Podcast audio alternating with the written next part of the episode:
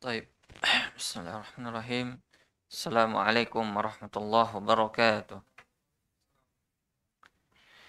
الحمد لله رب العالمين صلى الله على نبينا محمد وعلى آله وأصحابه الطيبين الطاهرين ومن تبعهم بإحسان إلى يوم الدين أحبتي في الله إخوان وأخوات أعزكم الله جميعا الحمد لله Allah Subhanahu wa taala kembali memberikan kita rahmat dan karunia-Nya sehingga kita bisa kembali melanjutkan kajian eh, rutin kita. Seperti biasa, sebelum kita melanjutkan kajian kita, ya barangkali ada ingin yang eh, uh, merojaah dulu. Yang mau nyetor hafalannya silakan. Tafadhol.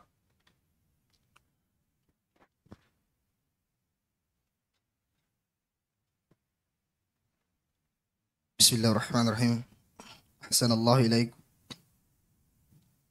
قال المصنف رحمه الله تعالى الحديث الخامس.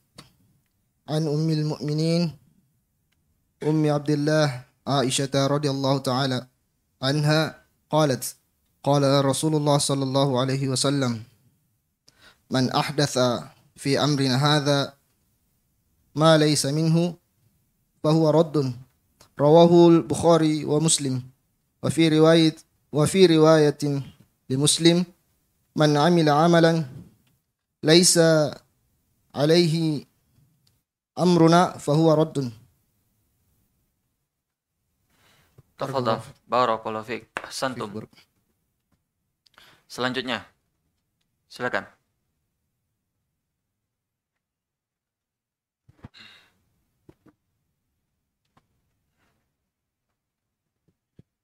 بسم الله الرحمن الرحيم الحديث الخامس عن أم المؤمنين أم عبد الله عائشة رضي الله عنها قالت قال رسول الله صلى الله عليه وسلم من أحدث في أمرنا هذا ما ليس منه فهو رد رواه البخاري ومسلم وفي رواية لمسلم من عمل عملا ليس عليه أمرنا فهو رد Sant.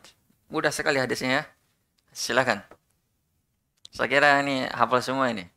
Tapi ini dua pertanyaan bukan untuk hafalan. Untuk masalah fikih. Masalah yang berkaitan dengan fikih hadis.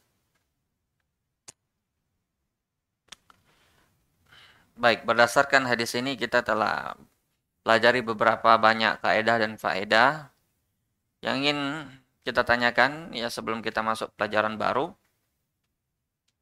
Ya.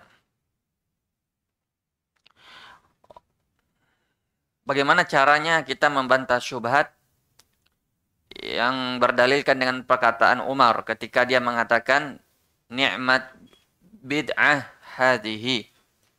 Senikmat atau sebaik-baiknya bid'ah adalah perkara ini yaitu ketika beliau mengumpulkan orang salat tarawih berjamaah. Sedangkan Nabi mengatakan man ahdatsa fi amrina hadza ma laysa minhu fahuwa. Perkara bid'ah dalam agama tertolak apa pun bentuknya. Sedangkan Umar mengatakan senikmat atau sebaik-baiknya bid'ah adalah ini. Tidak boleh panjang-panjang jawabannya. Silakan. Yang lain dulu. Ada yang bisa jawab? Jawabnya pakai hadis ini ya, jangan pakai hadis yang lain. Tidak ada ya? Kalau tidak ada, Anda ganti pertanyaannya. Susah ya? Bagaimana caranya? Kita sudah lewat ini hadis, datang ini syubhat, tidak bisa kita jawab. Aduh.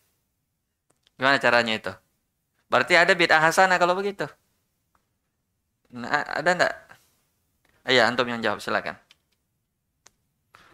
Iya, silakan. Siapa mau jawab? Hmm. Ya. Sebenarnya perkataan Umar uh, itu sudah ada contoh yang dilakukan para sahabat sendiri-sendiri. Cuma Umar mengumpulkan saja di satu tempat. Ba- Jawabannya benar tapi belum belum terlalu lengkap dan belum memuaskan. Maksudnya bagaimana itu? Sudah ada tapi dibilang bid'ah, bagaimana itu? Sudah ada berarti bukan bid'ah namanya. Bid'ah itu kan artinya perkara baru. Kalau sudah ada berarti bukan baru namanya, bukan bid'ah namanya. Ya.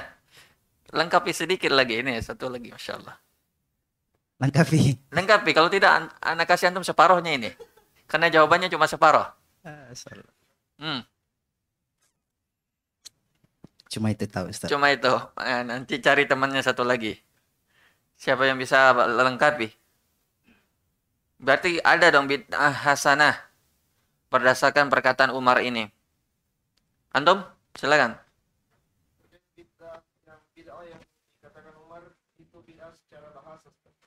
Masya Allah. Apa itu bid'ah secara bahasa? Baik. Dalam dalam hal apa itu yang belum ada contohnya? Baik, eh, maaf. Eh, maksud Ana ini yang berkaitan dengan tarawih ini dari sisi mana yang belum ada contohnya?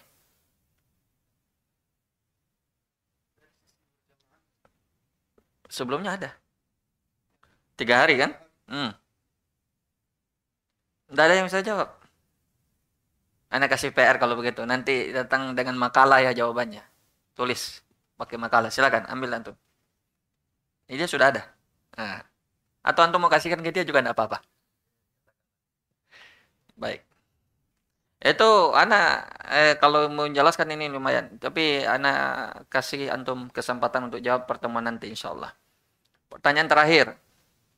Nanti insya Allah. Sisa satu. Kita lanjutkan pelajaran berikutnya. Hadis yang keberapa sekarang? Ya. Siapa yang mau baca? Ada yang mau baca enggak? Silakan.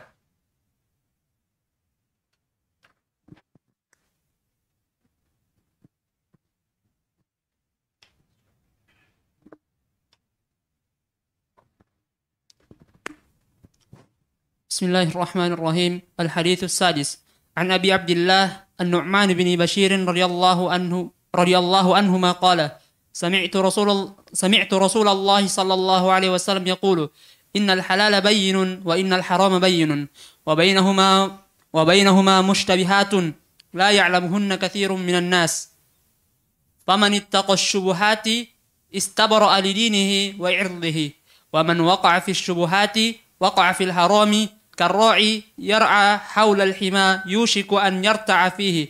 ألا وإن لكل مالك هما؟ ألا وإن هما الله محار- محارمه. ألا وإن في الجسد مضغة إذا صلحت صلح الجسد كله وإذا فسدت فسد الجسد كله. ألا وهي قلب. رواه البخاري ومسلم. Baik, jazakallah khair. Eh, ini hadis hadis yang keenam dari sahabat yang mulia Nu'man bin Bashir. Dia termasuk eh, beliau adalah seorang sahabat dan juga bapaknya yaitu Bashir bin Amr. Dua-duanya berasal dari kalangan Ansar. Jadi Nu'man bin Bashir bin Amr al-Ansari. Mereka dua orang sahabat Ya, beliau berkata, Sami'tu Rasulullah sallallahu alaihi wasallam. Artinya kalimat sami ada, ada bagi kalangan para ahli hadis itu dia mendengarnya langsung. Innal halala bayyin. Nabi bersabda, sesungguhnya perkara halal itu jelas. Wa innal harama bayyin. Dan perkara yang haram pun jelas. Wa bainahuma umur mustabihat.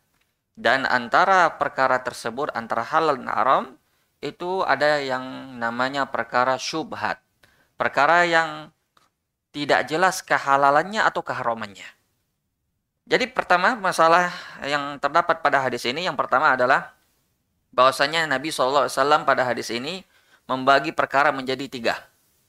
Yang pertama apa?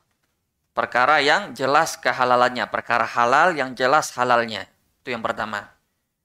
Seperti makanan, minuman, pakaian yang jelas halalnya, jual beli, semua. Yang tidak ada masalah yang yang jelas kehalalannya. Itu yang pertama. Yang kedua, al-haramum bayyin. Yang kedua adalah perkara haram yang jelas keharamannya. Itu yang kedua. Perkara yang haram yang jelas keharamannya. Seperti apa? Banyak sekali kesyirikan, kekafiran, kemaksiatan, zina, riba, musik, Nah, musik nanti mungkin kita akan masukkan ke dalam perkara yang syubhat. Zina jelas keharamannya. Khomar, judi, durhaka pada orang tua, mencuri, korupsi, dan seterusnya. Ini perkara yang sudah tidak diperselisihkan lagi keharamannya. Itu yang kedua. Dan perkara yang ketiga yang disebutkan oleh Nabi dalam hadis ini adalah perkara yang remang-remang ya, perkara yang subhat. Tidak jelas halal dan haramnya. Dikatakan halal tapi sisi lain dia haram. Dikatakan haram tapi ada juga yang mengatakan halal. Maka ini dinamakan perkara syubhat. Nah ini yang akan kita jelaskan insya Allah nanti. Terus Nabi mengatakan, La ya'lamuhunna kathirun minan nas. Banyak manusia atau kebanyakan manusia tidak mengetahuinya. Nanti kita akan jelaskan bahwa maksud dari perkataan Nabi ini adalah bukan berarti perkara syubhat itu semua orang tidak mengetahuinya. Nabi mengatakan di hadis ini kebanyakan Artinya ada yang mengetahuinya tapi sedikit. Itulah orang-orang ulama ar-rasihun. Para ulama yang memiliki ilmu yang kuat, memiliki ilmu yang mengetahui tentang perkara yang halal dan haram walaupun bagi bagi sebagian orang itu adalah perkara yang syubhat dan insya Allah kita akan datang dengan penjelasan kaedahnya nanti. Kemudian famani taqas syubhat faqad istabra alidinihi wa irdih. Barang siapa yang melindungi dirinya dari perkara syubhat, artinya dia telah melindungi dirinya dari uh, artinya dia telah melindungi dinihi wa irdi, agamanya dan kehormatannya. Melindungi atau menjaga kesucian dan kebersihan, kehormatan dan agamanya. Kemudian waman waqa'a fi syubhat waqa'a fil haram. Siapa yang terjatuh dalam perkara syubhat, lama-lama dia akan terjatuh pada perkara yang haram. Lalu Nabi SAW memberi contoh malmusah. Ini contoh yang bisa diraba. Karra'i yar'a haulal hima. Sebagaimana halnya seorang pengembala yang mengembala di sekitar area larangan. Ya, tempat yang dipagar, yang dibatasi, tidak boleh satu orang pun masuk kecuali pemiliknya atau yang diizinkan. Tapi dia tidak masuk, dia cuma ber, uh, apa, mengembala kambingnya di area situ. Karena yarahul hima kata Nabi. Yusiku an yarta'afi. Tapi lama-lama dia juga akan masuk ke dalamnya. Itu perkara syubhat seperti itu. Dia perkaranya syubhat dulu. Lama-lama nanti akan terjatuh kepada perkara yang haram. Jadi Nabi memberi pemisalan yang kasat mata. Kemudian Nabi Shallallahu Alaihi Wasallam menyebutkan sebabnya orang terjatuh kepada yang syubhat, orang yang terjatuh kepada yang haram, atau orang yang melindungi diri dan agamanya dan kehormatannya dari syubhat dan haram, itu penyebabnya apa? Nah, hadis berikutnya atau perkataan Nabi berikutnya. Beliau mengatakan, Ala wa inna likulli jasatin mudghatan. Ala wa inna likulli malikin hima. Ketahuilah bahwa setiap raja itu memiliki area larangan ala wa inna himallahi maharimu. Ketahuilah bahwa area larangan Allah itu sesemua yang Allah larang, yang Allah haramkan. Kemudian ala wa inna fil jasati mudghah. Ketahuilah bahwasanya di dalam tubuh manusia itu ada segumpal daging. Wa idza idza saluhat saluhal jasadu kullu. Bisa juga idza salahal salahal jasadu kullu. Apabila segumpal daging itu baik, seluruh jasadnya pun ikut baik. Wa idza fasadat fasadal jasadu kulluh. Apabila hatinya atau segumpal daging itu rusak, maka seluruh jasadnya pun ikut rusak. Ala wahiyal qalb. Ketahuilah bahwa segumpal daging itu adalah hati. Baik, itu masalah yang pertama kita ambil dari hadis tadi bahwasanya Nabi SAW dalam hadis ini membagi perkara menjadi apa? Tiga. Perkara yang jelas keharamannya, eh, afwan, pertama yang perkara yang jelas ke halalannya, yang kedua perkara yang jelas keharaman, yang kedua, yang ketiga adalah perkara yang syubhat. Hmm. Kemudian masalah berikutnya adalah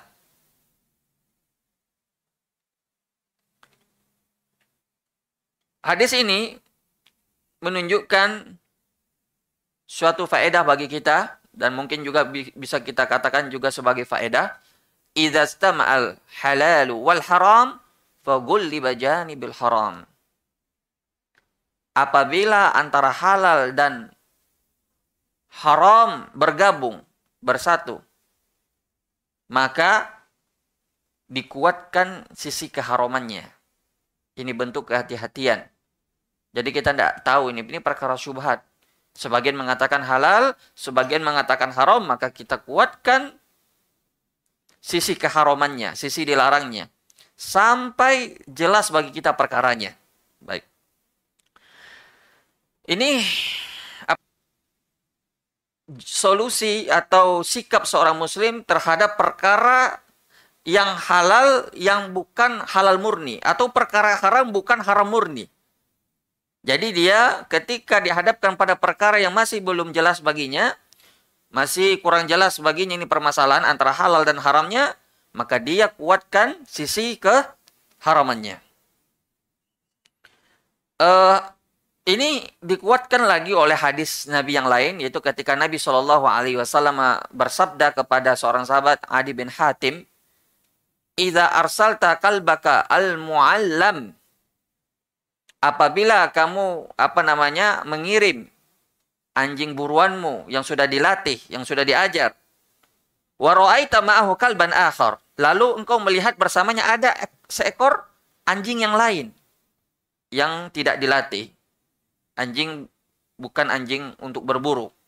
Antum tentu tahu beda hukumnya antara anjing yang sudah dilatih dengan yang tidak, kalau anjing sudah dilatih halal buruannya. Adapun yang tidak dilatih maka haram buruannya. Dan inilah keutamaan apa? Ilmu. Bahkan ilmu juga mempengaruhi seekor anjing. Apabila anjing itu dilatih untuk berburu dan dia menerkam buruannya, itu halal untuk dimakan. Lalu Nabi mengatakan, "Fala ta'kul fa inna masamaita ala kalbik." Maka jangan kamu memakan buruan tersebut karena kamu cuma membaca tasmiyah atas anjing buruanmu saja. Jadi ketika kita berburu, kita kirim anjing, dah tahu tahu datang dua ekor anjing. Satunya anjing kita, satunya anjing yang lain. Maka kata Nabi, fala takul. Innama samaita ala kalbik. Jangan kamu makan itu buruan karena yang halal itu makanan dari atau buruan dari anjingmu. Sedangkan yang datang anjing yang lain juga ikut. Maka di sini kita tidak tahu anjing yang mana yang menerkam ini buruan. Nah, di sinilah sikapnya bahwa tidak boleh dimakan. Ini yang mendasari kaedahnya bahwa apabila bersam bergabung antara yang halal dan yang haram, maka kita kuatkan sisi apa? keharamannya. Jelas ya? Kemudian juga tentang pengharaman bigal. Antum tahu bigal? Binatang. Bigal itu sejenis binatang perpaduan antara uh, apa ya kuda dengan ke, kedelai eh kedelai keledai nah, ini mirip-mirip kedelai keledai himar keledai itu haram dimakan kuda halal ketika kuda dan keledai kawin maka lahir anaknya bernama bigol Mam mamanya kuda bapaknya keledai Nah, sekarang bagaimana ini hukumnya bigol ini? Kalau kuda jelas halal. Keledai jelas haram. Sekarang dia melahirkan anak namanya bigol. Sekarang hukumnya apa? Haram apa halal? Kalau dia ikut ikut ibunya halal. Kuda. Kalau dia ikut bapaknya haram. Keledai. Sekarang ini permasalahannya bagaimana kita menghukumi ini bigol ini? Halal apa haram? Jawabannya kaidah ini. Apabila bergabung antara halal dan haram, maka kita kuatkan sisi keharamannya. Makanya ulama mengatakan bigol itu hukumnya haram. Baik. Jelas ya? Kemudian berikutnya seperti yang disebutkan oleh para ulama tentang ya contoh-contoh yang lain tapi itu uh, sudah cukup ya contoh-contohnya. Tidak apa-apa, anda tambah lagi contoh uh, terakhir supaya um, agak lebih mantap lagi ini kaidahnya. Misal, antum uh, disuruh nanti Idul Adha menyembeli eh, ayam untuk makan lebaran misalnya. Uh, 10 ekor ayam ditaruh di satu tempat. 9 ekor antum disebut bismillah, satu ekor tidak disebut bismillah. Artinya bangkai. Nah, ternyata awalnya antum pisah. Tahu-tahu ada keluarga yang memasukkan ke tempat yang sembilan ekor itu. Jadi sepuluh ekor itu bergabung semuanya. Satu ekor tidak disembeli, sembilan ekor disembeli. Kira-kira boleh dimakan apa tidak? Ini ayam 10 ekor ini. Boleh apa tidak dimakan? Kenapa? Satu ekor aja yang eh, yang tidak disembelih, sembilan ekor disembelih bisa jadi dipilih itu barangkali ini, barangkali ini nih semua. Masya Allah. Hasan. Karena sudah bercampur, tidak tahu mana yang yang halal dan mana yang haram. Jadi tidak ada yang boleh dimakan satu ekor pun dari yang sepuluh ekor itu. Itulah maksud dari kaidah ini. Baik. Berikutnya masalah dalam hadis ini adalah kaidah sadu zari'ah atau sadu zara'i. Yaitu menutup pintu-pintu menuju kerusakan. Dia tidak haram, tapi ditutup jalan-jalannya sehingga dilarang. Saya akan jelaskan. Jadi, sadu zari'ah ini disebutkan oleh para ulama, dia itu merupakan e, sepertiga agama. Atau seperempat agama. Karena banyak agama itu melarang perbuatan-perbuatan yang menuju kepada perbuatan haram. Ya, menunjukkan hadis ini. Jadi orang dilarang terjatuh pada perbuatan syubhat agar dia tidak terjatuh pada perbuatan haram. Baik. Jadi segala sesuatu yang mengantarkan kepada yang haram maka hukumnya haram. Seperti misalnya apa? Hmm. Seperti apa contohnya? Seperti dengan perempuan misalnya berholwat, berdua-duaan. Itu kan bukan zina. Itu kan pengantar zina. Tapi itu boleh apa dilarang? Dilarang. Allah mengatakan dalam Al-Quran, La takrobu az-zina. Allah tidak mengatakan, La tazni. Jangan kalian dekati zina kata Allah. Bukan Allah katakan jangan berzina. Apa bedanya? Mendekati saja dilarang apalagi melakukannya. Nah, tapi berzina ini tidak serta-merta orang langsung berzina. Ada pengantarnya dulu, jalan-jalan menuju zina. Tidak langsung orang berzina. Makanya Allah mengatakan jangan dekati seluruh jalan-jalan yang mengantarkan pada itu. Nah, ini maksudnya satu zari'ah. Dilarang ke banyak hal, misalnya eh, menyuap misalnya. Kenapa? Untuk tidak terjatuh pada perkara yang haram yaitu memberikan yang tidak berhak menerimanya. Misalnya memberikan sesuatu, dia tidak berhak sebenarnya, bukan keahliannya di situ, tapi karena disogok, akhirnya dia yang diloloskan umpamanya.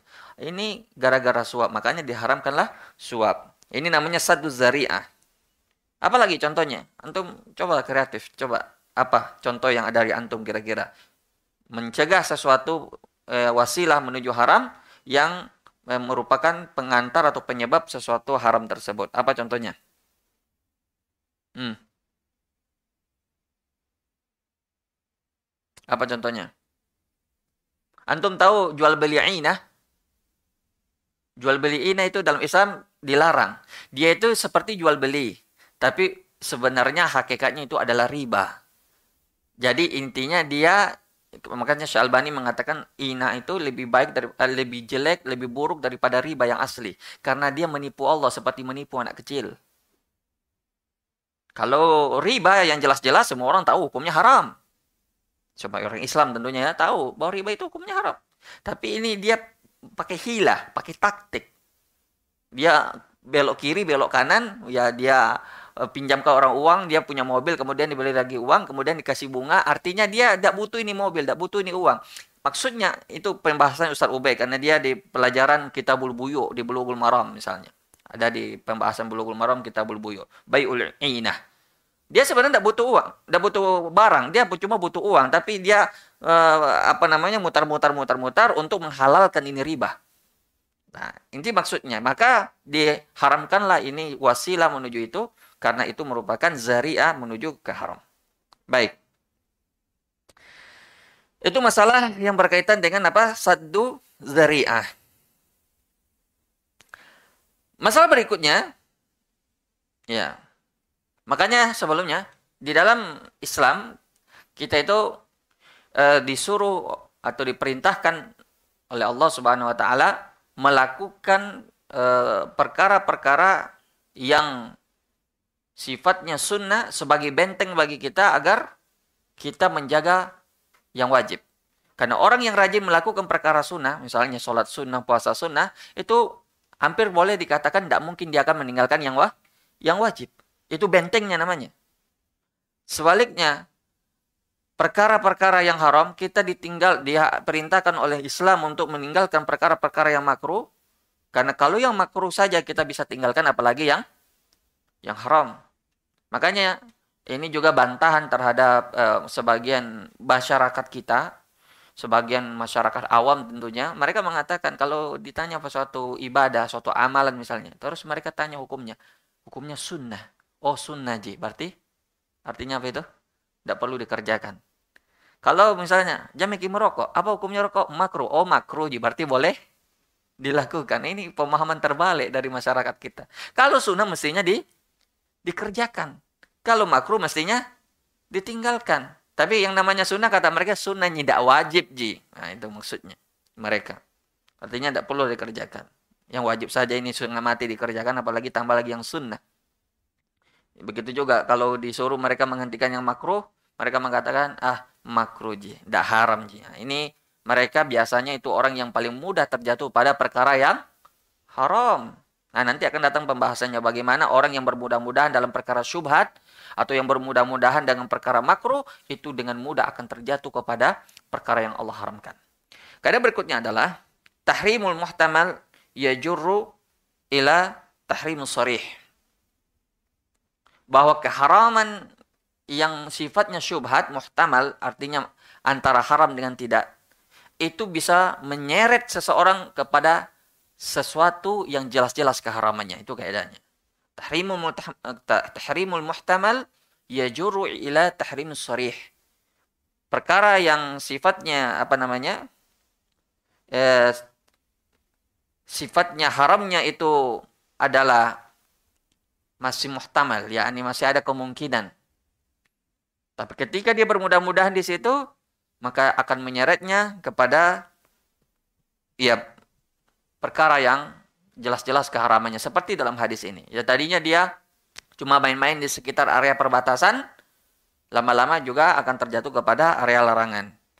Ya sebagaimana yang disebutkan oleh Nabi dalam hadis ini ketika dia mengembalakan kambingnya di sekitar area larangan. Dia nanti tidak akan mampu melarang ini kambing untuk masuk area larangan ini. Begitu juga diri kita, jiwa kita ini. Ketika kita bermain-main dengan perkara syubhat, atau bermain-main di area larangan yang mungkin masih ada kemungkinan halalnya antara halal dengan tidaknya gitu. Maksudnya belum jelas keharamannya. Kita bermain-main di situ. Nanti lama-lama kita tidak akan mampu e, menarik diri kita atau mencegah diri kita untuk terjatuh kepada perkara yang haram tersebut. Itu maksudnya dari tahrimul muhtamal yajuru ila tahrimul sarih. Jadi perkara yang ya yang syubhat awalnya lama-lama dia akan tidak peduli lagi dengan haram yang sudah jelas-jelas keharamannya. Kanya Allah Subhanahu wa taala berfirman, "Minhunna ummul kitab wa ukharu mutasyabihat." Fa amal ladzina fi qulubihim zaygun fayattabi'una ma tashabaha minhum ibtigha al-fitnati wa ibtigha ta'wili. Orang yang punya syubhat di hatinya, punya zaig, zaig itu penyimpangan, penyakit dia ikuti yang syubhat-syubhat. Amal ladzina fi qulubihim zaygun fayattabi'una ma tashabaha minhu batigha al-fitnati wa batigha ta'wili. Jadi orang yang suka mengikuti syubhat itu sebenarnya hatinya itu berpenyakit. Zaid, zaik, yakni artinya itu dipenuhi oleh eh, apa namanya itu syubhat. Makanya antum harus jauh-jauhi dengan syubhat. Syubhat itu menyambar-nyambar dan itu susah untuk dilepaskan kalau sudah menyambar hati. Makanya jangan uji coba nyali atau hati antum dengan syubhat, jangan. Karena syubhat itu bukan perkara mudah. Kalau seandainya itu perkara mudah itu syubhat, tentu ulama tidak akan terjatuh pada syubhat. Antum tahu tentang banyak kisah alil hadis yang terkena oleh syubhat.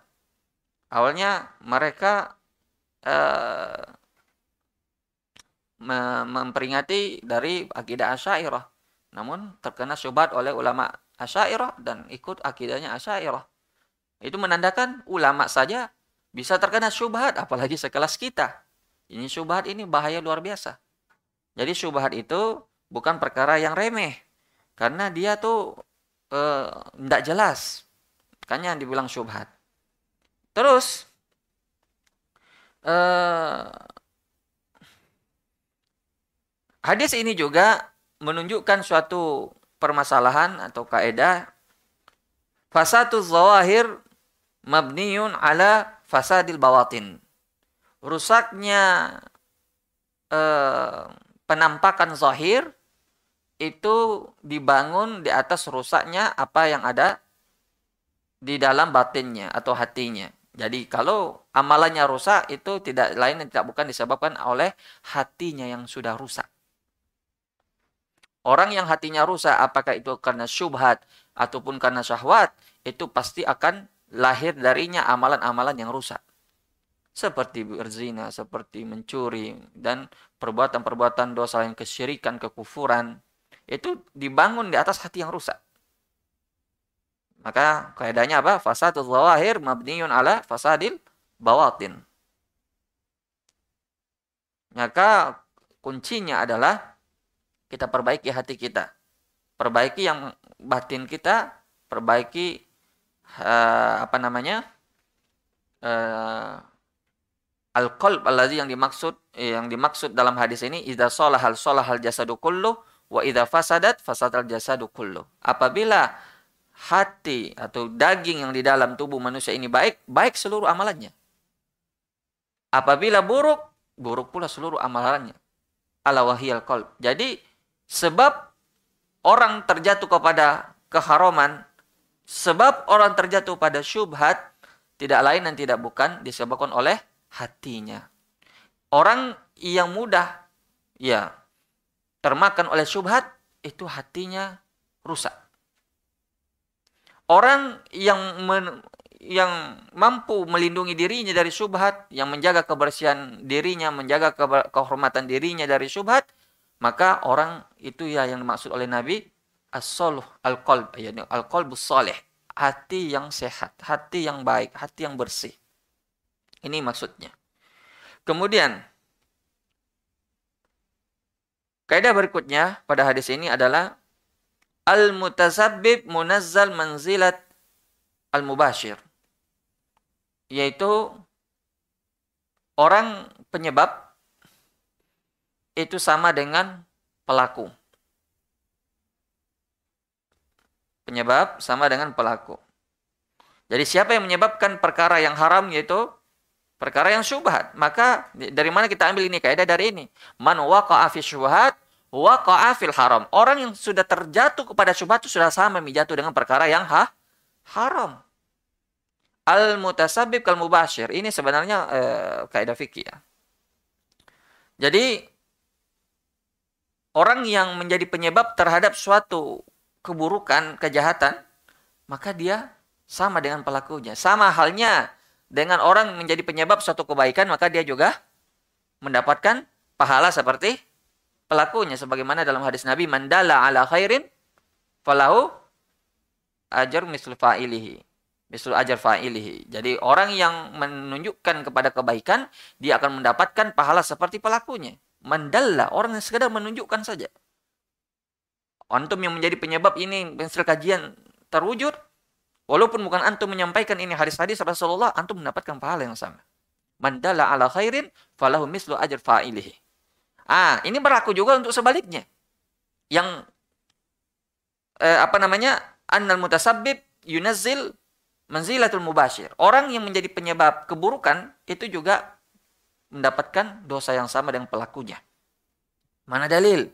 Dalilnya man sanna sunnata sayyi'ah falahu wisru man amila biha. Siapa yang mencontohkan contoh yang buruk, maka dia juga mendapatkan dosa seperti pelakunya. Seperti juga hadis yang diriwayatkan oleh Bukhari misalnya, la tuqtal nafsun zulman fil ard illa ala ibn adam al kiflun minha li'annahu awwal man sanna sunnatal qatl. Kata Nabi Shallallahu Alaihi Wasallam, tidak ada satupun di muka bumi ini orang yang mati terbunuh secara zalim kecuali bagi anak Adam yang pertama itu juga mendapatkan dosa mengalir kepadanya karena dialah orang yang pertama kali mencontohkan membunuh. Jadi setiap orang yang membunuh di muka bumi ini mengalir dosanya kepada siapa? Kepada Qabil apa Habil? Siapa yang terbunuh, siapa yang membunuh? Siapa yang membunuh? Qabil. Kepada dia mengalir dosanya. Jadi setelah dia, siapa pun yang membunuh orang secara zalim mengalir dosanya juga ke dia. Itu hadis riwayat Bukhari. Itu siapa yang mencontohkan keburukan walaupun bukan dia pelakunya misalnya, orang lain yang melakukannya, tapi dia juga mendapatkan dosanya. Itu besarnya dosa. Begitu juga misalnya orang menyampaikan bid'ah. Dan bid'ah itu dilakukan oleh orang banyak. Orang itu juga mendapatkan dosa, tapi semua dosa itu juga mengalir kepada dia. Subhanallah. Jadi menjadi dai itu tidak gampang juga. Selain dia dapat pahala, dijanjikan dengan pahala yang besar, dia juga dijanjikan dengan diancam dengan dosa yang besar.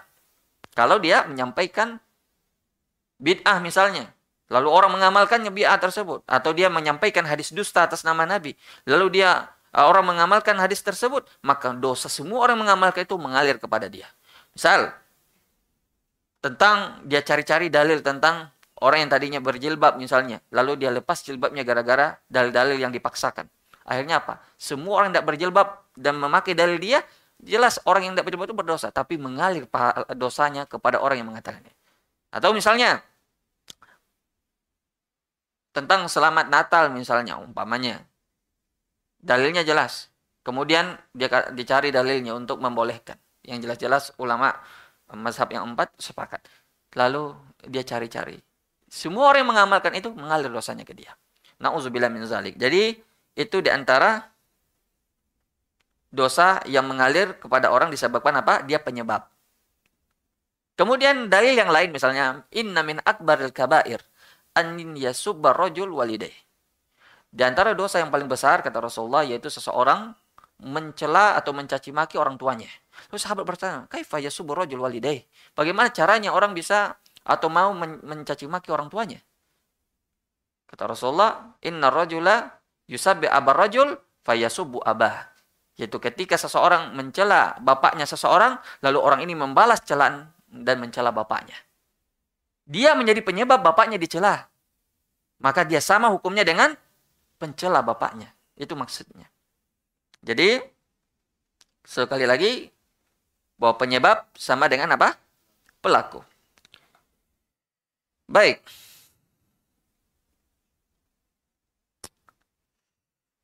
Berikutnya, sudah berapa menit lagi ya? Ini waktu Isya.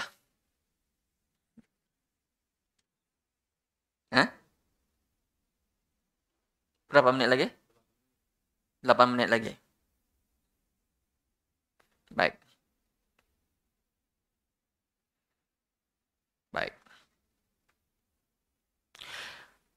Masalah berikutnya adalah wajibnya seseorang melindungi kehormatan dirinya dan agamanya dari segala yang mengotori kesuciannya. Jadi apa saja yang menyebabkan kita bisa tertuduh, maka kita ya harus jelaskan. Ini sebagaimana yang pernah terjadi pada Nabi ketika Nabi uh, itikaf Lalu dia dijenguk oleh istri beliau Sofiyah. Lalu beliau antar istrinya itu waktu itu malam-malam. Dan ketika di jalan bertemu dengan dua orang sahabat Ansar. Lalu dua sahabat ini jalan cepat-cepat. Kemudian Nabi waktu itu dalam keadaan capek karena itikaf. Kemudian dia bilang, "Ahlan, cepat, cepat uh, ini istriku. Takut nanti dua sahabat ini berburuk sangka. Walaupun ini Nabi ya, tapi namanya saja setan. Karena lalu Nabi menjelaskan ini adalah istriku Sofia. Lalu Nabi mengatakan inna syaitan ya jadi dam. Karena sesungguhnya setan itu mengalir dalam aliran darah manusia. Makanya kalau ada misalnya perkara-perkara yang menyebabkan misalnya ada orang berburuk sangka sama kita jelaskan langsung. Jangan sampai ada nanti perkataan-perkataan yang tidak enak di belakang kita. Itu. Terus masalah berikutnya. Apa hikmah dari Allah mengadakan atau menjadikan ada perkara yang syubhat? Kenapa tidak jelas yang yang sudah jelas saja kehalalannya atau yang sudah jelas saja keharamannya? Kenapa mesti ada ini yang syubhat ini? Apa hikmahnya? Kalau yang haram jelas. Kalau kita kerjakan sudah mi, sudah difonis ini berdosa Miki. Kalau yang halal sudah mi jelas kebolehannya. Tapi kenapa mesti ada ini yang syubhat? Bikin kita ragu-ragu saja antara hal bikin kita berkelahi saja. Ini yang mengatakan halal ini haram dan seterusnya. Kenapa mesti ada ini? Siapa bisa jawab? Apa hikmahnya? Masya Allah, jawaban. Antara jawaban lain, jawabannya benar. Agar seseorang bisa mempelajari ilmu agama lebih dalam lagi. Akan datang nanti kaedah, nanti di akhir pelajaran kita, bahwa syubhat itu sifatnya nisbi. Kadang. Menurut orang ini syubhat, belum tentu menurut orang ini syubhat. Baik. Jawaban pertama, jawaban yang lain ada enggak? Kenapa mesti ada syubhat? Apa hikmahnya? Hmm. Ada. Sudah capek semua ini, tidak bisa berpikir. Silakan. Hmm. Pembeda apa? Bah, itu kan sudah cukup dengan yang halal dengan yang haram tadi. Kalau yang halal itu ke surga, yang haram ke neraka. Kenapa mesti ada yang syubhat ini? Ah, itu. Supaya lebih hati-hati. Nah, inilah namanya ujian. Hikmahnya adalah untuk ibtila, imtihan untuk ujian keimanan kita. Kalau perkara haram jelas mi. Kalau perkara halal jelas, tapi ada perkara yang menyebabkan kita harus hati-hati, berhenti di situ. Itu bagi orang yang menjaga kesucian agamanya dan kehormatannya. Tapi kalau orang yang lemah iman, tidak peduli dia mau perkara syubhat. Jangankan yang syubhat, yang haram saja tidak peduli. Apalagi yang syubhat. Jadi untuk ujian bagi keimanan seseorang. Jadi iman orang itu bertingkat-tingkat.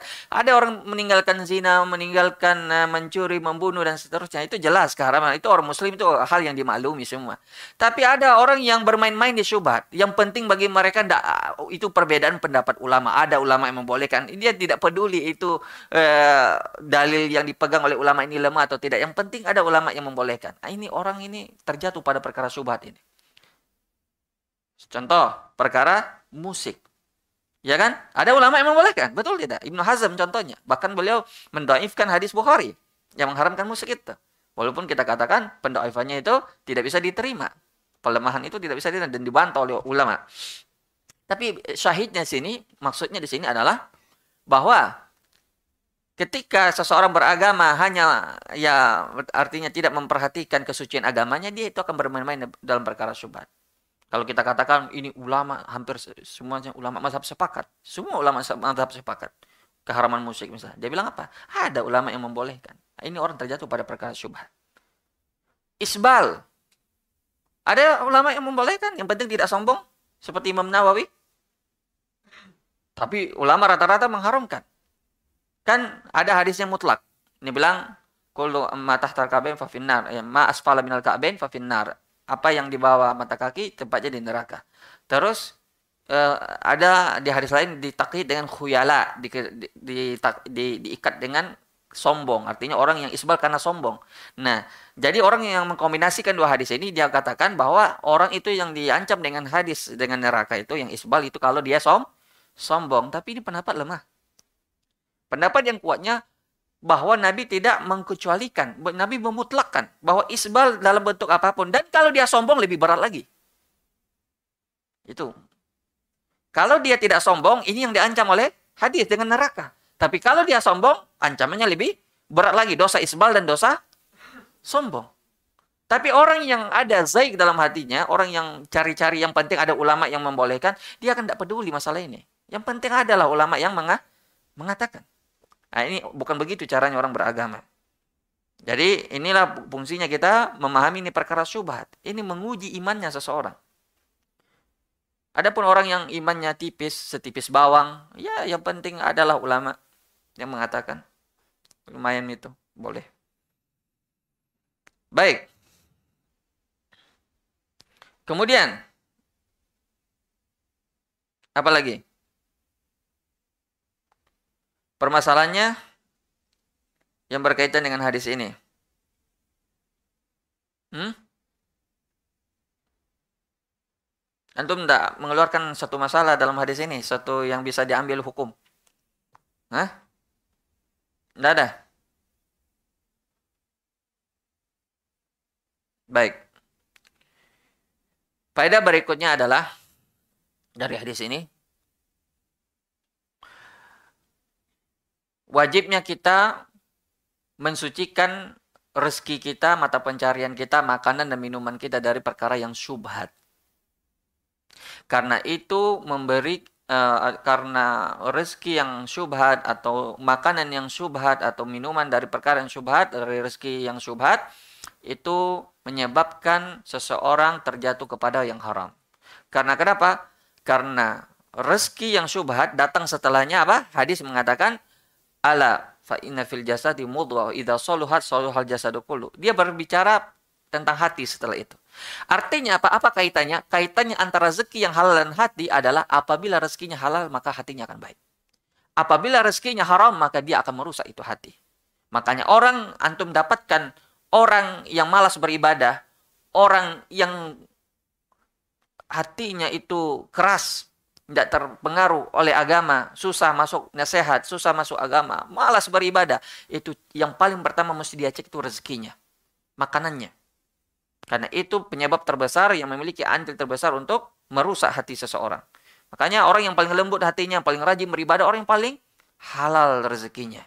Ini maksudnya. Uh, sebelum kita lanjutkan, barangkali sudah masuk waktu. Ya, silakan azan dulu.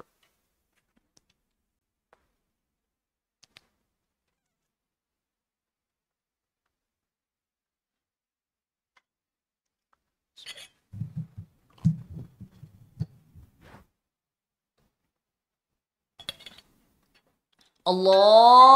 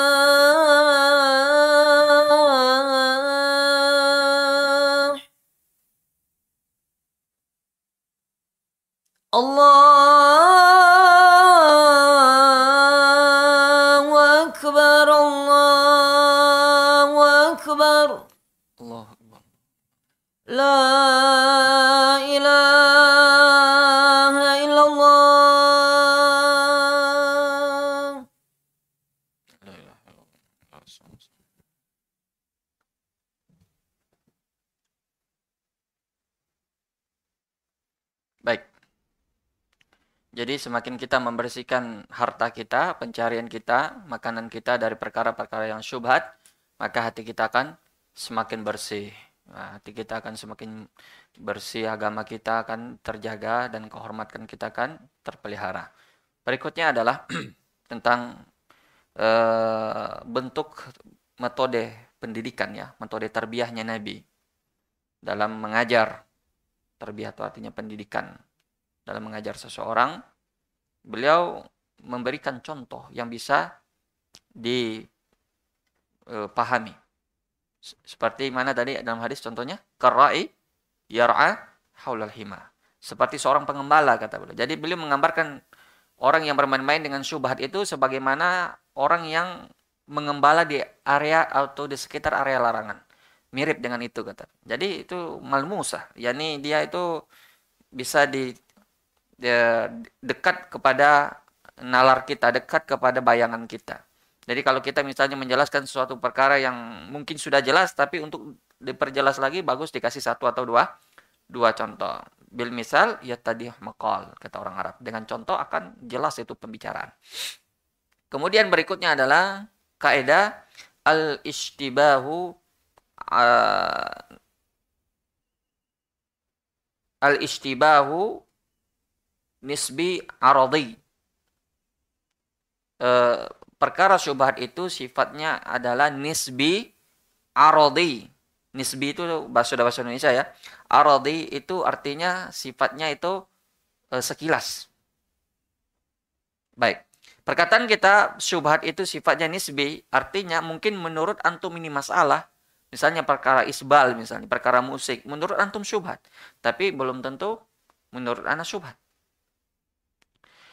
Perkara misalnya hukum apa misalnya?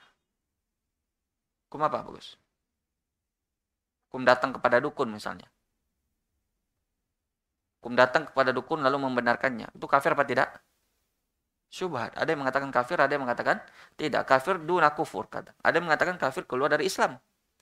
Nah ini syubhat.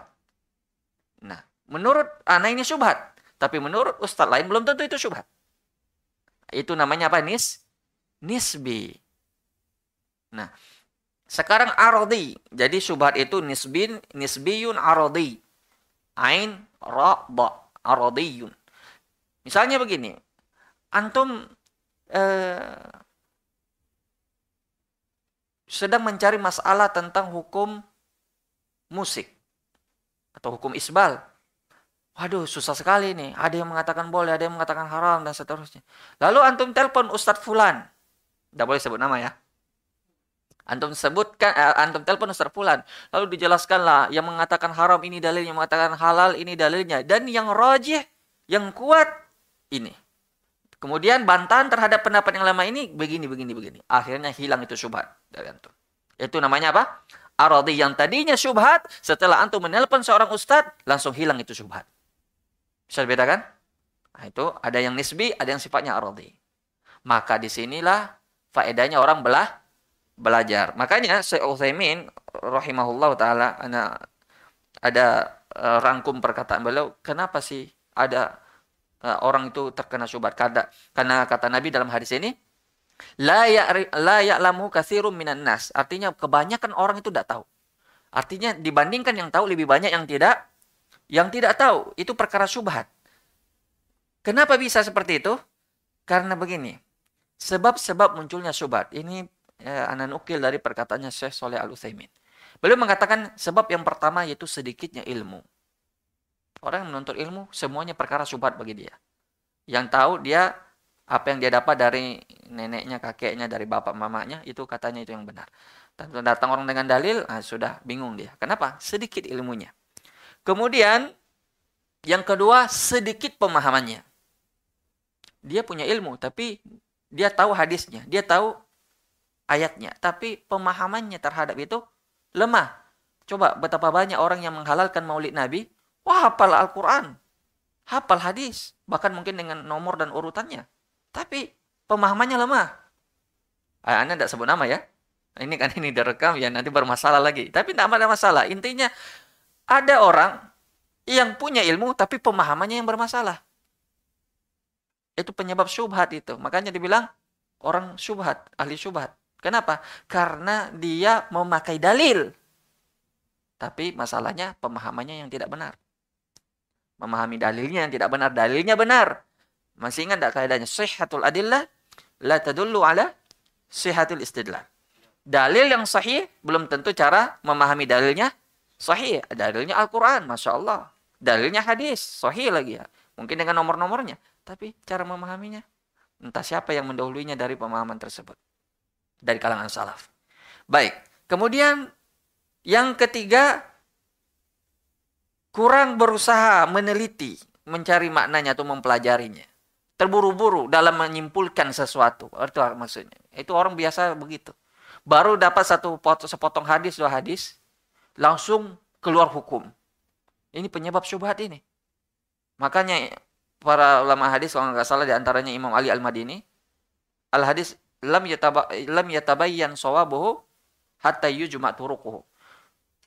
Suatu hadis itu tidak akan terjelas itu, tidak akan jelas itu anunya, kebenarannya sampai dikumpulkan semua itu hadis dalam bab itu. Baru keluar kesimpulan hukum. Misalnya ada masalah musik, kumpulkan semua dalil yang berkaitan dengan itu. Jangan ambil dalil yang mengharamkan saja. Jangan ambil yang menghalalkan saja. Semua kumpulkan. Baru setelah itu berlaku kaedah-kaedah dalam mengumpulkan dalil-dalil. Pertama dulu digabung. Imal baina adilain afdal min ihmal ahadihima. Menggabungkan dalil atau mengkombinasikan dua dalil itu lebih afdol daripada memilih salah satunya. Kalau tidak bisa, baru setelah itu di ah dilihat mana yang dulu mana yang belakangan dari sisi tanggalnya kalau tidak ketahuan juga mana yang duluan mana yang belakangan baru ditarjih mana yang lebih kuat. Dilihat dari sisi sanatnya hadis oh ini hadisnya sahih oh ini hadisnya hasan. Jelas hadis yang sahih yang kuat. Oh ini hadisnya mutafakun alaih sedangkan hadisnya ini diriwayatkan oleh Imam Muslim. Jelas mutafakun alaih yang kuat dan seterusnya. Kalau tidak juga baru tawak tawakuf jadi intinya orang itu harus menelitinya mendalam. Jangan baru eh, satu hadis, dua hadis langsung ambil kesimpulan hukum. Tidak boleh. Itu biasa bahaya. Malpraktek. Dalam agama juga ada malpraktek. Ada orang kadang apal dua satu dua hadis langsung dia simpulkan hukum. Itu tidak boleh. Kemudian kata Syekh, yang berikutnya adalah niat yang jelek. Ah, ini ini sebab terbesarnya subhat. Dia sudah tahu ini ilmunya. Dia sudah meneliti ini. Tapi ada masalah yang yang yang tidak ada obatnya. Niatnya yang jelek. Memang mencari dunia dengan agama ini. Pokoknya sesuai pesanan saja. Kalau ada orang memasarkan, colong carikan dalil yang mengatakan ini haram. Atau colong eh, carikan dalil yang mengatakan perkara ini halal. Jadi itu kebanyakan. Ah, dicarikan dalil apa saja. Nah, ini cocok betul ini kebetulan ini perkara syubhat. Ada yang menghalalkan, ada yang menghalalkan.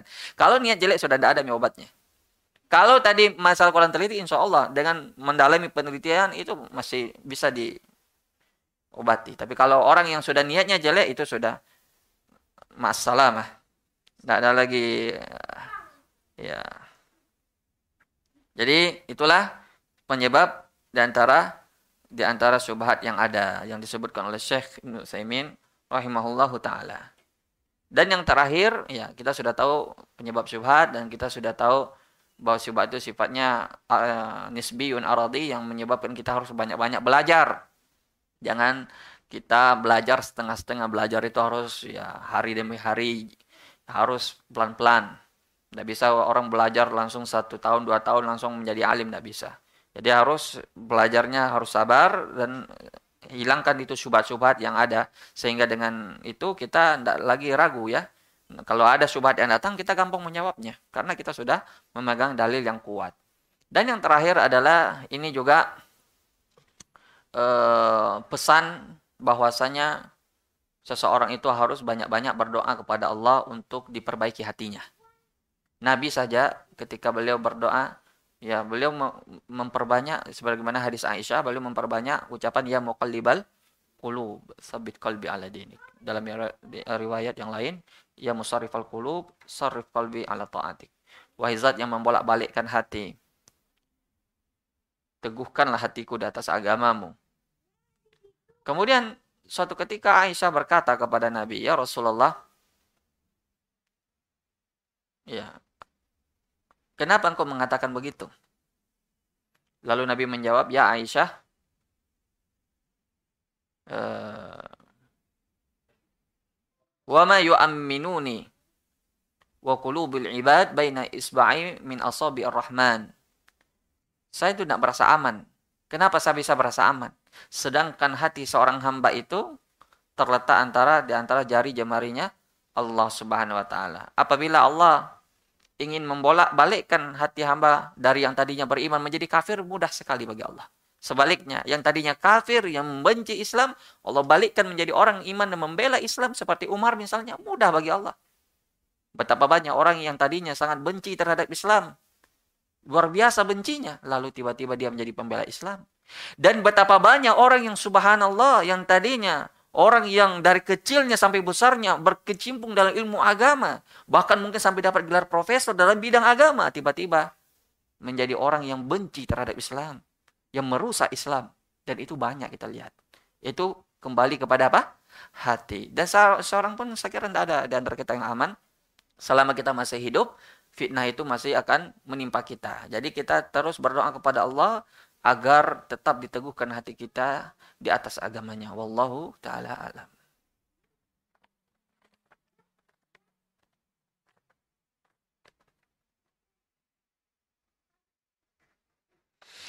Bismillah. Assalamualaikum. Bagaimana jika kita tetap melanjutkan kuliah yang sudah jelas banyak syubhatnya karena kemauan orang tua Sedangkan kita ada anjurkan untuk menghindari syubhat. Mohon nasihatnya Ustaz. Kalau nasihat Ana, berhenti kuliah.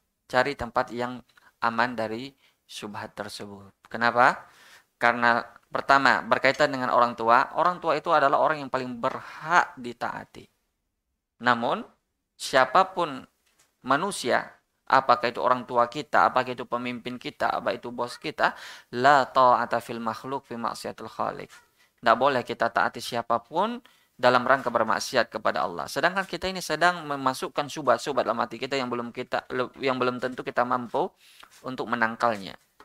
Maka kalau memang bisa yakinkan orang tua bahwa saya ingin mencari keluarga, uh, tempat kuliah yang lebih baik daripada itu. Tentu orang tua mau solusi. Jangan bilang berhenti saja lalu udah ada solusinya. Orang tua yang mungkin masih awam, tentu dia akan berpikir lain. Dia sudah menghabiskan dana yang begitu besar, menghabiskan banyak hal yang pengorbanan yang luar biasa, lalu kita tiba-tiba mau berhenti. Tentu tidak mudah bagi mereka. Namun kita perlu cara yang hikmah untuk menjelaskannya kepada orang tua untuk mencari tempat yang lebih baik, tempat yang yang yang tidak kalah bagusnya daripada itu dan seterusnya. Dengan demikian insya Allah orang tua akan bisa menerimanya. Dan itu memang nasihatnya para salaf. Kalau syubhat itu tidak boleh orang itu e, bermain-main di situ. Karena syubhat itu menyambar-nyambar. Menyambar itu apa? Cepat sekali menangkap hati kita. Dan apabila sudah merasa susah keluarnya. Kadang ada orang yang sengaja mencari syubhat untuk dibantah katanya. Tahu-tahu apa? Setelah uh, baca buku subat atau mendengar subat langsung, woi ternyata benar juga deh. Ada orang yang pernah kejadian seperti itu. Dia menghina Al-Qur'an, apa menghina Imam Bukhari. Dia bilang itu Sahih Bukhari itu tidak benar. Itu cuma fikihnya Imam Bukhari itu uh, apa namanya tidak bisa dijadikan landasan dan seterusnya seterusnya. Ada orang yang punya semangat anak muda yang tidak belajar ilmu tapi dia punya semangat membela agama. Dia bilang saya akan membantah ini orang dengan semangatnya. Tapi dia tidak punya ilmu. Akhirnya apa yang terjadi? Dia pergi ke itu orang dan membantah orang itu. Orang ini yang melontarkan syubhat ini jelas orang-orang yang sudah banyak ahlinya dalam bidang syubhat. Tidak usah dipertanyakan kehebatannya dalam uh, dalam perkara syubhat. Akhirnya apa? Pulang dia dengan muka selain dari muka dia pergi tadi. Berbeda mi mukanya. Tadinya semangat untuk membantah, sekarang kayaknya tuh benar juga itu orang. Nauzubillah min zalik. Jadi syubhat itu bukan perkara yang mudah untuk dibantah. Jadi jangan ke uh, apa namanya coba-coba membantah sobat kalau kita tidak punya ilmu tentangnya. Terus bagaimana hukumnya bila kita sering makan di rumah keluarga yang pekerjaannya dari pekerjaan syubhat? Seperti di bank. Bank apanya syubhat? Bank haram. bank itu bukan syubhat itu ya kawan. Bank itu haram. Bank ribawi maksudnya haram. Bukan syubhat itu. Oh, ada lanjutannya tawa. Dan memiliki juga dari penghasilan yang lain, seperti pertanian. Oh, jadinya bercampur. Ya, baik. Yang mana hal ini bercampur antara hal yang haram. Bagi kita yang memakannya hukumnya halal. Halal. Bahkan sekalipun itu adalah hasil dari riba sekalipun. Misalnya, orang tua kita kerjanya di bank ribawi. Cuma itu penghasilan, tidak ada penghasilan halal yang lainnya. Cuma itu saja, tok. Terus apa hukum makanan kita dari dia? Halal bagi kita, bagi dia dosa. Mana dalilnya? Dalil Nabi SAW ketika diundang oleh orang Yahudi untuk makan, maka beliau menjawab hidangan tersebut. Dan maklum bahwasanya orang Yahudi adalah orang yang paling luar biasa dalam perkara riba. Mereka itu rajanya riba. Tapi Nabi tetap uh, makan dalam hidangan mereka. Allahu ta'ala alam. Ada? Masih ada lagi? Yang lain? Kalau tidak, kita sholat. Ya.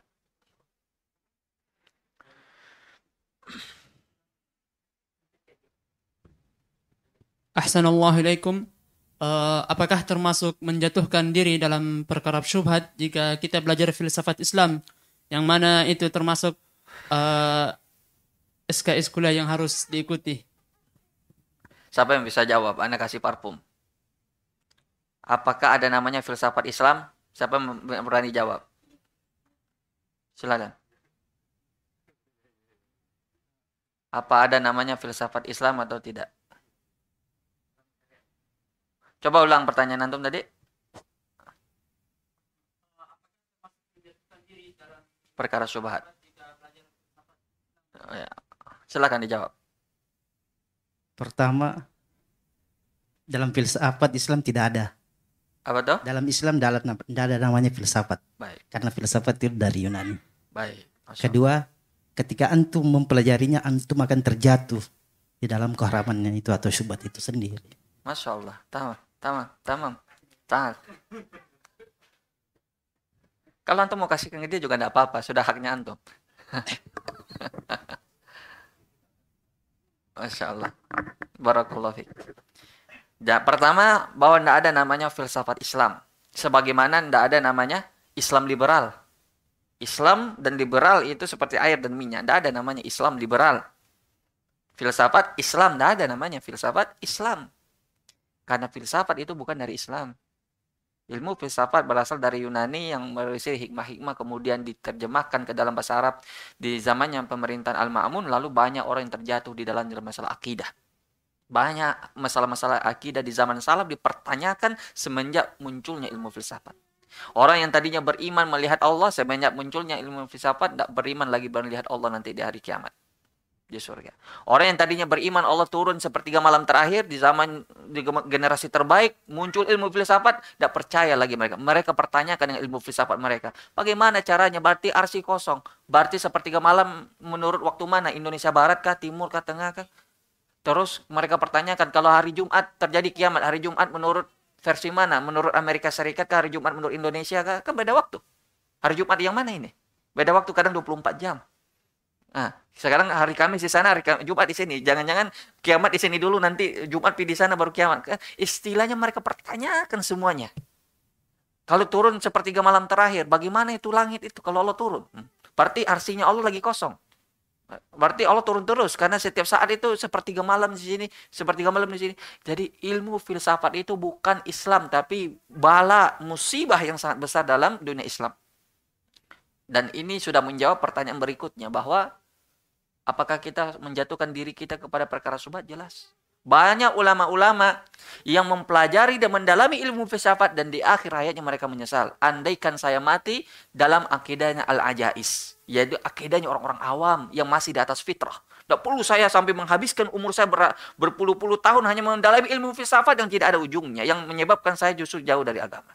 Akhirnya dia menyesal, menyelamati dia mengatakan, andaikan saya tidak belajar ilmu filsafat dan saya mati berdasarkan akidahnya orang-orang lemah, tidak perlu saya jadi orang hebat, orang pintar untuk mempelajari ilmu filsafat, ujung-ujungnya saya justru jauh dari agama. Dari ilmu filsafat itu sebenarnya bukanlah ajaran atau berasal dari Islam, tapi itu berasal dari luar Islam yang kemudian orang yang mempelajarinya kemudian terjatuh kepada perkara-perkara yang tercela dalam syariat terutama dalam perkara akidah. Wallahu taala a'lam. So ya terakhir.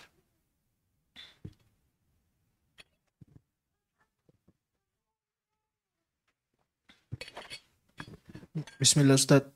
Eh, di zaman sekarang ini eh, ada beberapa teman dan lembaga yang dalam eh, video permintaan donasi, misalnya donasi bencana alamnya, dipakai kayak semacam nasyid begitu Ustaz dengan eh, nada yang agak sedih. Mungkin tujuannya untuk menarik perhatian orang itu bagaimana eh, cara menyikapinya. Terus yang kedua itu Ustaz di zaman sekarang ini di baga- apakah kita terjatuh dalam dosa apabila kita eh, membuka story Instagram tiba-tiba ada musiknya terus kaget kan dikecilkan. Tapi itu terjadi berkali-kali. Apakah sudah jatuh dalam dosa Ustaz menikmati walaupun cuma lima detik musik itu sendiri? Jazakallah khair. Ya, ini per- pertanyaan seputar musik ya. Ya.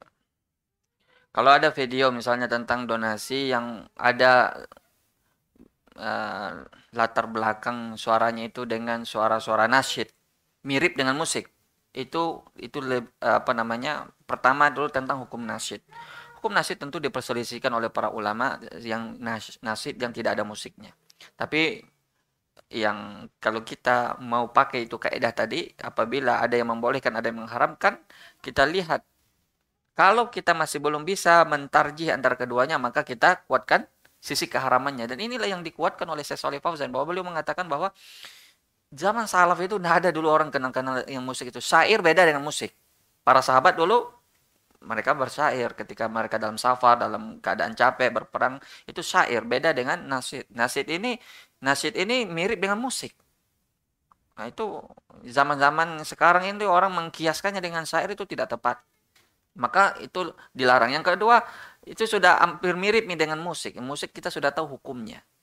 Hukumnya haram. Maka kalau kita katakan apa namanya walaupun niatnya baik untuk mengumpulkan dana untuk me- ingin eh, mempengaruhi orang agar terkesan eh, agar sedih apa segala macam dengan itu itu walaupun niatnya baik itu tetap mem- apa namanya itu tetap eh, mempercampur adukkan antara yang yang benar dan yang salah antara hak dan yang batil dan itu tidak boleh dan tidak ada juga masalahnya kalau ada orang misalnya me- ya menyebarkan ya un- untuk bantuan uh, misalnya dana untuk uh, bencana alam misalnya tanpa harus ada nasibnya. Kadang kita itu kurang percaya dengan Allah. Kalau seandainya kita yakin men- me- menempuh jalan yang sesuai dengan yang disyariatkan, justru itulah yang akan ditolong oleh Allah. Kita itu tidak mampu memiliki hati manusia. Mungkin menurut versinya kita dengan ditambahi nasihat seperti itu orang akan banyak, orang akan suka. Belum tentu. Yang menguasai hati ini Allah. Jadi kalau semakin jalannya syar'i kita tempuh, semakin Allah akan membukakan hati-hati orang untuk ya melakukan atau mengirimkan bantuan kepada kita. Jadi istilahnya lakukan sesuatu yang disyariatkan, maka eh, apa namanya? kita akan dibantu oleh Allah karena ada kaidah mengatakan bahwa al apa? Al ghayah la tubarir wasail. Al ghayah la tubarir al wasail. Tujuan itu tidak boleh menghalalkan apa? Segala cara walaupun tujuannya itu baik. Itu tidak boleh kita halalkan segala cara. Orang Islam itu memperhatikan cara yang syar'i. Walaupun tujuannya baik. Tapi orang yang agamanya kurang atau bukan di luar Islam, mungkin mendapatkan segala sesuatu dengan eh, mendapatkan sesuatu itu dengan segala cara. Kalau Islam tidak. Al ghayah la tubarir wasail. Tujuan itu tidak menghalalkan cara. Misalnya kita tujuan kita baik untuk mengumpulkan dana, membantu korban bencana, tujuan baik. Tapi bolehkah kita eh, mengumpulkan dengan cara-cara yang Allah haramkan? Misalnya kita begal orang kemudian ambil, kemudian dengan musik yang jelas diharamkan kita kumpulkan, tidak boleh. Itu jalan cara yang diharamkan tidak boleh. Maka kita tidak boleh mengharam mengha- menghalalkan segala cara untuk mendapatkan apa? tujuan. Al-ghayah la tubarir wasail. Tujuan baik tidak tidak eh, apa namanya? tidak serta merta menghalalkan caranya. Jadi maksudnya kalau niat kita baik, jadi boleh melakukan cara yang diharamkan sekalipun maka tidak boleh. Dan kita sudah mengambil pendapat tadi bahwa ya nasyid seperti itu tidak diperbolehkan eh, di dalam Islam. Kemudian berkaitan dengan ya Instagram itu sebaiknya kalau tidak ada kepentingan yang mendesak sekali itu bagusnya dihindari. Itu kaidah yang kita barusan pelajari yaitu saddu zari'ah. Mencegah segala hal-hal yang meng- mengantarkan kita ke yang haram. Tapi kalau mendesak misalnya menyebar info kajian, tidak apa-apa untuk itu saja. Tapi kalau orang sudah bermudah-mudahan nih dengan Facebook, dengan Instagram sudah, lama-lama jatuh ke yang haram. Coba untuk pegang itu. Kalau orang sudah bermudah-mudahan dalam eh, bermain ini wasilah ini, yang sudah banyak sekali musiknya, perkara-perkara yang haramnya di dalam, apakah auratnya, wanitanya dan seterusnya. Pokoknya banyak sekali hal-hal yang diharamkan di situ. Kalau orang sudah bermudah-mudahan pertama ya yang hal-hal yang mungkin yang ringan-ringan dulu. Nanti lama-lama dia setan itu bertahap. Karena setan itu tidak ada pekerjaan lainnya selain menjatuhkan kita ke yang haram. Tapi dia tidak langsung, dia bertahap. Makanya Al-Quran bahasanya apa? La tattabi'u khutwah apa khutwat? Khutwat.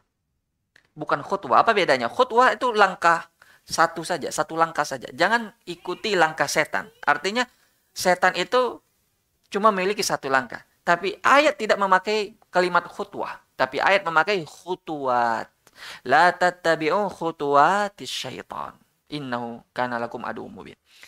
Khutuwat itu langkah-langkah. Dia sibukkan antum dulu dengan perkara yang makruh, lama-lama dijatuhkan dari perkara yang haram. Begitu langkah-langkahnya setan. Dan itulah hikmahnya kita tadabur Al-Quran. Kalau kita mau mentadabur Al-Quran, kita akan dapat, oh ternyata setan itu memiliki banyak siasat untuk menjatuhkan kita. Baik, barangkali itu. Jadi kalau yang ditanyakan tadi apakah kita berdosa ketika kita berkali-kali terjatuh pada itu berdosa. Berdosa. Karena ya orang yang dikatakan khote itu salah itu apabila dia tidak sengaja. Tapi kalau salahnya itu berkali-kali, itu bukan tidak sengaja lagi namanya. Itu bukan tidak sengaja lagi namanya. Kalau yang dimaafkan itu yang tidak sengaja tapi kalau yang disengaja ini yang berdosa wallahu taala alam sallallahu ala nabiyina subhanahu wa bihamdihi la ilaha illa anta astaghfiruka wa atubu ilaik assalamualaikum warahmatullahi